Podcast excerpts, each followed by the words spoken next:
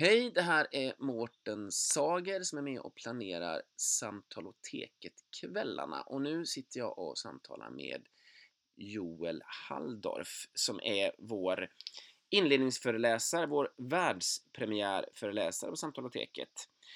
Så på onsdag kommer du Joel och pratar om. Gud dog. N- nu då? Och nu då? Eh, vad kul för det första att du kommer till Göteborg och pratar om detta. Tack, för inbjudan. Det ska bli fantastiskt roligt. Mm. Eh, vad ska vi förbereda oss på? Eh, Vi ska förbereda oss på en, en resa då i tiden där vi reser tillbaka ungefär 100 år. Då eh, alla som var någonting, alla som betydde någonting i den europeiska intelligentian var ense om att Gud var, om inte död, så i alla fall eh, dödsrosslande. Att, eh, att det var snart slut med religion och kyrka och allt det där och nu skulle vetenskapen ta över. Och eh, vi tar avstampet där i den, i den självsäkerheten och sen så går vi genom 1900-talet då, då detta var det som gällde i Europa. Att alla, alla tecken på eh, religionernas styrka eller vitalitet, det var bara eh, dödsryckningar. Det var fisken sprattlande på, på torra land. Det här Mm. skulle snart vara ut ur historien. Och så fram till slutet av århundradet då, då det börjar gå upp för allt fler att det kanske inte förhåller sig så ändå. Och så småningom letar sig den här insikten upp till Sverige och eh, formar faktiskt kan man säga eh, Eh, ett, ett helt valår 2018 då diskussioner om religionens plats i samhället eh, har, har följt partierna och alla, man har gjort utspel om, om kläder och skolor och en det ena, en det andra.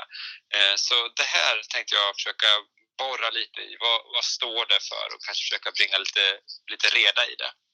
Mm. Spännande! Eh, vi har ju ett tema för hela läsåret som är vägledning. Vem lyssnar du på? Får man lov Mm. att fråga dig Joel, vem du lyssnar på och på vilket sätt det märks? Ja, det man, måste ju, man måste ju lyssna på någon. Man måste så att säga ta rygg på en eller ett, ett par stycken. Om man, inte, så att säga, om man inte följer någon, då följer man den allmänna meningen, finns det någon som har sagt. Och det tycker jag är, är väldigt klokt. Och om man är kristen så, så har man ju en tro, en tradition, eh, till och med en person, Jesus, att förhålla sig till och försöka lyssna in och så. Men, men det måste ju också ske konkret genom eh, gemenskaper man är med i. Eh, och för mig är det ett antal saker jag gör och lever i och sak, ett antal saker jag läser med särskild uppmärksamhet och ett, ett antal eh, samtalskretsar som jag är med i där jag formas otroligt mycket eh, av. Och det, det, det är så att säga gemenskapen som formar mig så att jag kan behålla min frihet i relation till det allmänna, det, det, det, det allmänna samtalet som pågår, kunna behålla en kritisk distans eh, till det stora samtalet som pågår i samhället. Hmm.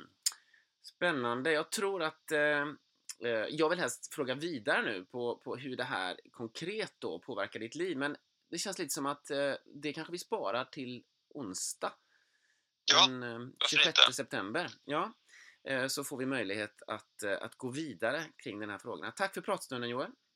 Tack så mycket, vi ses! Tack. Hej.